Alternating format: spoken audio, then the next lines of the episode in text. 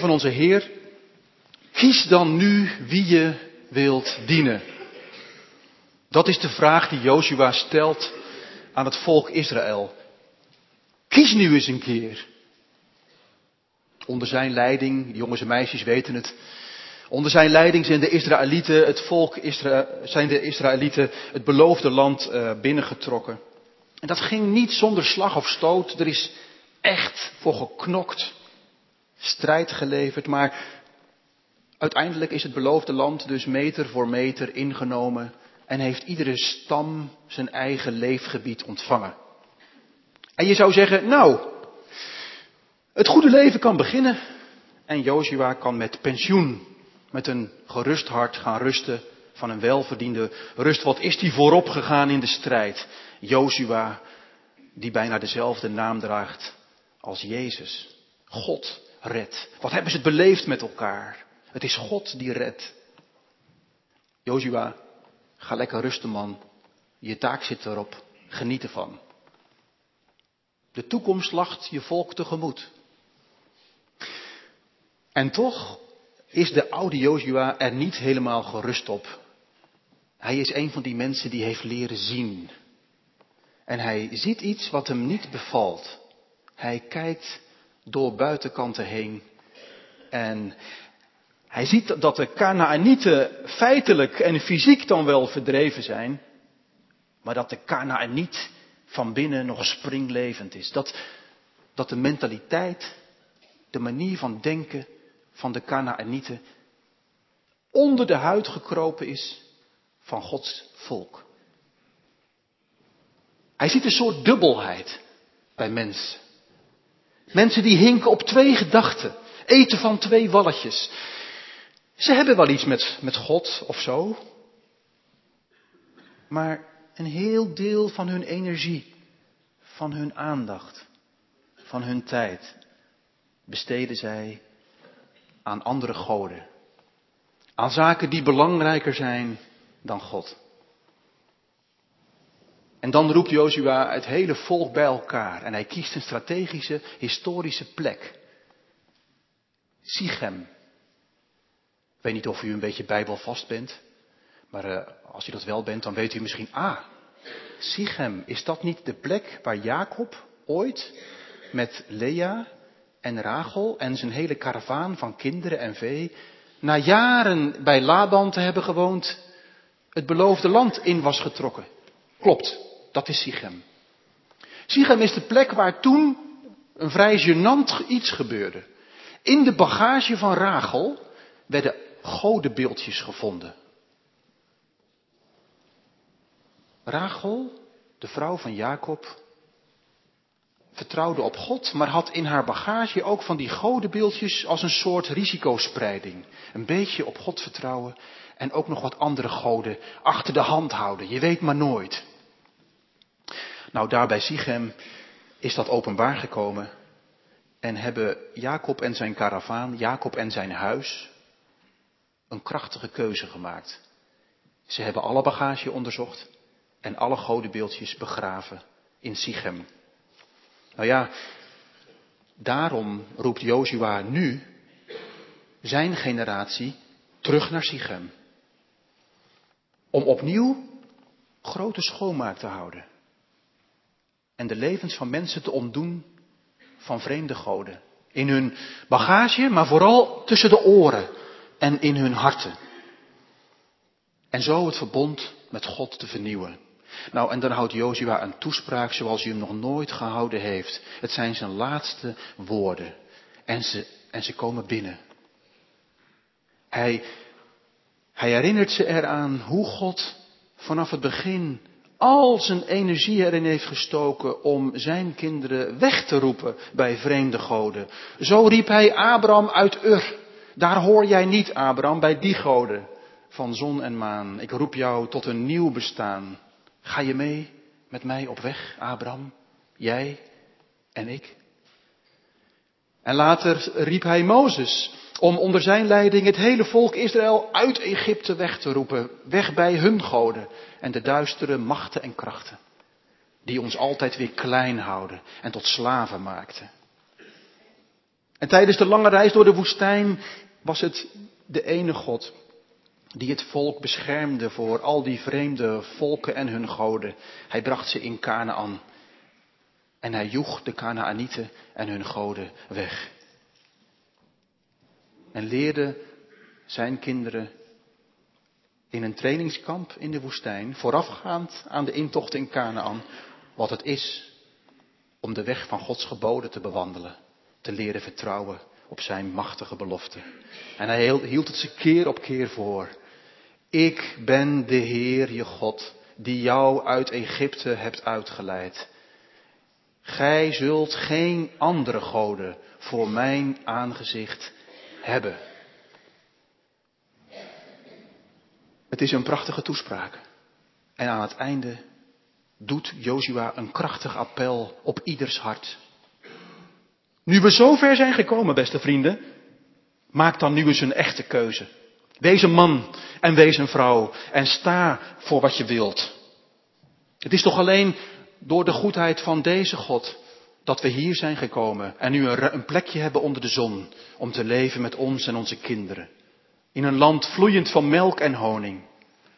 Zouden we dan nu geen afstand doen van al die vreemde goden en de Heer alleen dienen? Laten we in Sichem opnieuw het verbond vernieuwen. Kies nu wie je wilt dienen. Kies je voor de goden van Canaan? Nou, een vent en ga er ook voor.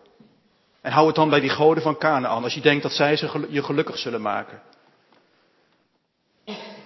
Maar ik en mijn huis, wij gaan voor de Heer. Wij zullen de Heer dienen. Iedereen is onder de indruk. En massaal stemmen ze in. Inderdaad, het is deze God geweest die ons zo geleid heeft en gezegend. Onze voorouders, onszelf en onze kinderen. Hij heeft ons bevrijd. Hij heeft ons geleid. Hij heeft ons gezegend. Hij heeft ons gedragen. Ook wij zullen die God dienen en Hem alleen. En dan gebeurt er iets curieus. Ik weet niet of u het is opgevallen in de schriftlezing. Je zou verwachten dat Jozua dan zegt dat hij een zakdoek tevoorschijn haalt, zijn voorhoofd afveegt en blij is dat de keuze de goede kant opvalt. Nou zeg, daar ben ik nou blij mee. Dat jullie de goede keus maken. Ik zat er echt over in. Wat hij zegt is iets anders. Hij zegt, het gaat jullie niet lukken. Jullie kunnen de Heer, je God, niet dienen. Het gaat jullie krachten ver te boven. Want deze God doe je er niet even bij. Deze God duldt geen andere goden naast zich. Hij is, zoals wij dat vroeger in de klassiekere vertalingen lazen, hij is een naijverig God. Een beetje platter, hij is een jaloers God. Andere goden kun je combineren. Een beetje van dit en een beetje van dat. Maar deze God is zo gepassioneerd en zegt zo krachtig ja tegen jullie, dat hij ook alleen maar kan leven met een ongedeeld en welgemeend ja tegen hem. Hoe is uw godsbeeld eigenlijk? Wat voor beeld hebt u eigenlijk van God? Toen ik jong was, was er in mijn hart het beeld gegroeid van een God die soeverein en onbewogen ver op de troon zit en regeert en kiest en verwerpt. Maar in deze laatste woorden van Jozua proef je dat, er, dat deze God een God is vol van passie, vol van emotie. Een hart dat tintelt van verlangen. Naar oprechtheid. Naar een tegenover. Naar een jongen of een meisje die zegt, Heer, als u zich zo aan mij geeft en aan mijn voorgeslacht, dan geef ik mij ook totaal aan u. Ontroerend is dat. Als je ziet hoe Jezus is, hij is het beeld van God. Als hij door de straten gaat en hij ziet mensen die van twee walletjes eten, dan schieten de tranen hem in zijn ogen. En dan zegt hij, je kunt niet God dienen en de mammon. Als hij de tempel binnenloopt en hij ziet weer die vermenging, die halfheid, die dubbelheid, dan wordt hij woedend en veegt hij de boel schoon. En hij barst in tranen uit over Jeruzalem. Deze God is Israëls God. En geen andere God is er. Met een onstuimig hart. Wat zo verlangt naar mensen die eerlijk voor hem zijn.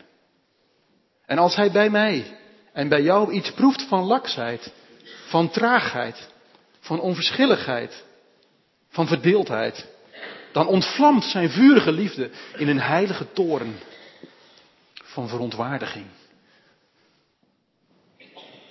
Zoals een gepassioneerde minnaar woedend kan worden als hij merkt dat zijn geliefde hem bedriegt en het met een ander houdt. Zoveel als ze van hem hield, zo woedend is ze. Als zijn hart niet voor haar is en niet helemaal voor haar is. Er is in God een zeer gepassioneerd ja. En het is bezegeld bij de doop. Zonder reserves. Ja, ik wil jou. Ja, ik heb je lief. Maar er is in Gods hart tegelijk een zeer krachtig nee. Nee. Geen duisternis, geen halfslachtigheid, geen traagheid in jouw leven. Alsjeblieft. Een nee tegen welke God je dan ook dient. Is het je geld? Is het je carrière? Is het je kast van een huis? Is het je status? Is het dat wat in jouw leven te groot is geworden? Nee, zegt, God er tegen. Zo niet. Zo niet. Ja, ik ben jouw God die jou uit Egypte hebt bevrijd. Maar nee, word dan niet opnieuw een slaaf van wat dan ook.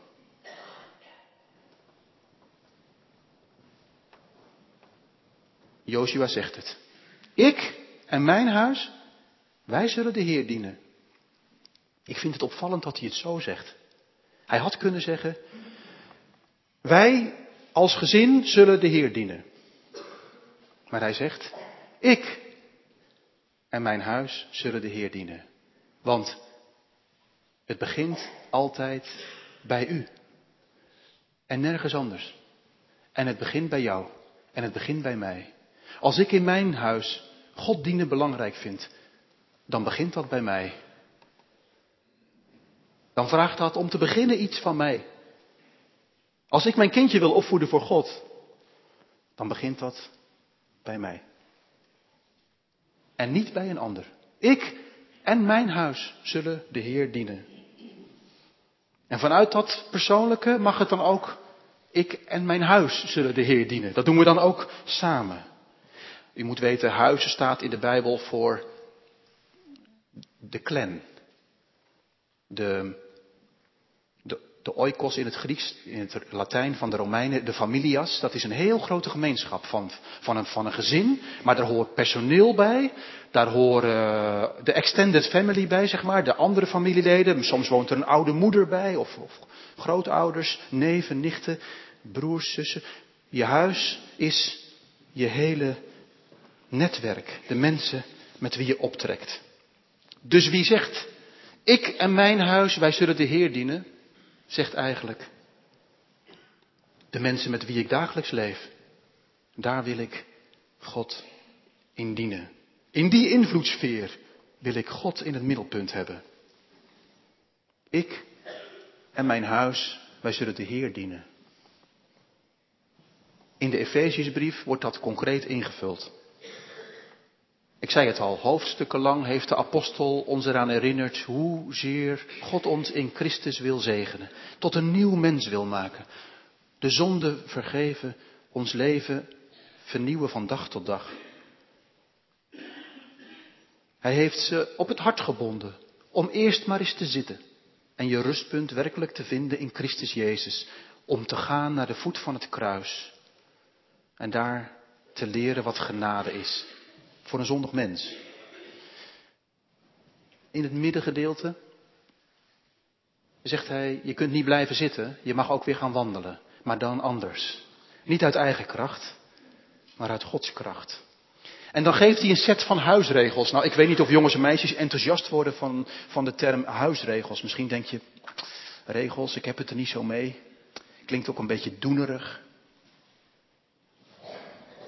Regels voor hoe je omgaat als man en vrouw. In de opvoeding van je kinderen, met je collega's op het werk. Weet je wat me opvalt? Misschien is het u ook opgevallen. Als je de huisregels leest in de Efeziësbrief, worden ze nergens doenerig.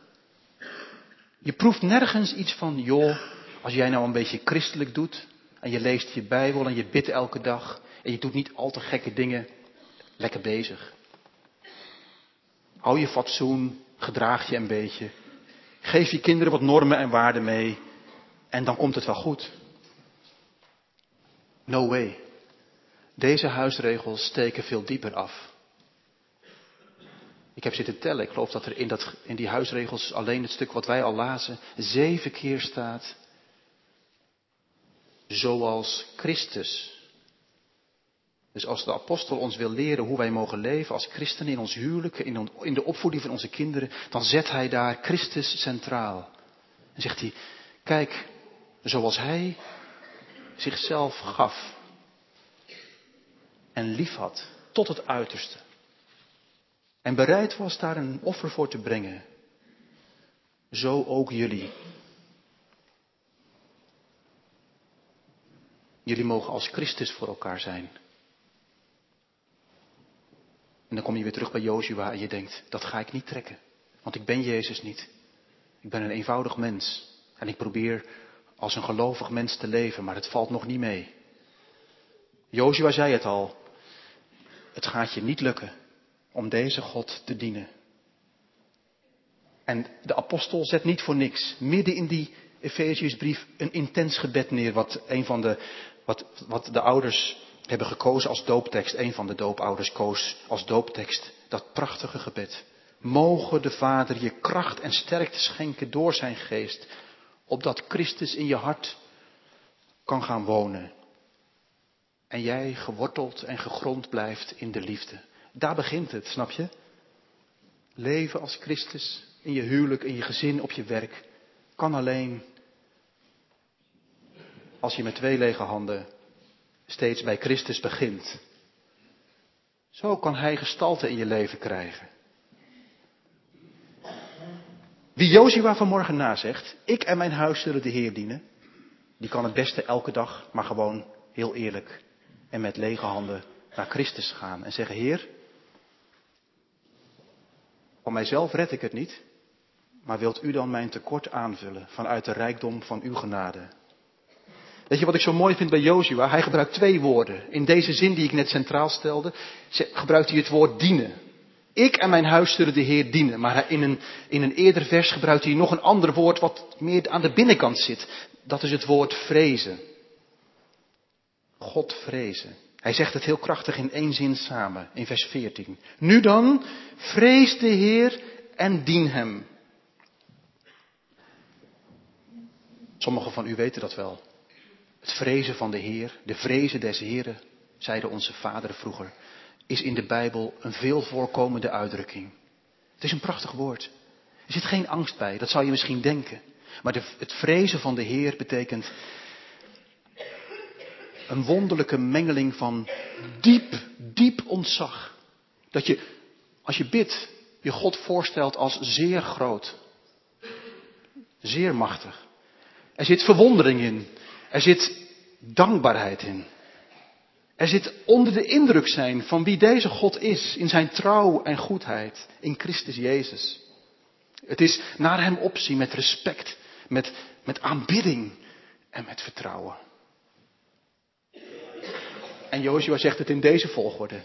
Vrees de Heer en dien Hem. Niet andersom. Niet, ga maar eens aan de slag en kijk maar hoe ver je komt. Vrees de Heer. Heb een binnenkant. Heb een binnenkamer. Zit aan zijn voeten. En zo zit die hele Efeziëbrief in elkaar. Drie hoofdstukken zitten, dan wandelen en dan stand houden. Beste vrienden, deze huisregels gaan over wie je bent. We hebben drie avonden met de doopouders opgetrokken en dat keer op keer op elkaars hart gebonden. Geloofsopvoeding gaat over wie jij bent. Of Christus in jouw gestalte krijgt. Of je met Hem omgaat. En dan worden die huisregels toch opeens akelig concreet. Want misschien zegt u vandaag, ah ja, dat stuk van de preek neem ik mee naar huis. De Heer vrezen. En dien Hem. Want de mate waarin je Christus kent wordt zichtbaar in je slaapkamer, aan de keukentafel, achter je laptop. In je manier van omgaan met je partner, met je kinderen. Christus gestalte in jou krijgen, dat wordt zichtbaar elke dag. Op ieder moment. Joshua zegt vandaag tegen jou en mij en tegen u. Kies dan wie je dienen wilt. Ik en mijn huis? Wij zullen de Heer dienen. En als jullie zeggen, wij ook, zegt Joshua. Doe dan die vreemde goden weg. En durf eens nee te zeggen. En zet, zet eens grenzen in je leven neer. In tijd, in energie, in focus, in keuzes. In stille tijd, in kerkgang, in discipline. En vul, vul het maar in concreet, daar waar jouw vreemde goden te veel energie vreten. Ik kom in Lunter nog wel eens jonge stellen tegen. Ik zie veel jonge stellen in de kerk zitten die heel, heel hard werken. Twee verdieners, een grote drukkende hypotheek. En die werken dan zo hard en beunen s'avonds bij. En zeggen dan heel eerlijk, ja dominee, maar zondagsmorgens mijn bed uitkomen is zo lastig. Oké, we doen het dan één keer in de drie weken. Dat vinden we dan toch fijn. Kies nu eens wie je dienen wil. Zet je prioriteit en laat in je dagelijks leven zien aan jezelf, aan je partner en aan je kinderen wie je dient. Is het mammon? Is het geld? Is het Israëls God? Het venijn of de aansporing zit in de laatste zin. Doe dan die vreemde goden weg, zegt Joshua. En zijn laatste woorden zijn deze. Richt je dan volledig op de Heer. Volledig. Met een ongedeeld hart. Zoals Christus zichzelf helemaal gaf. Voor u. Voor jou.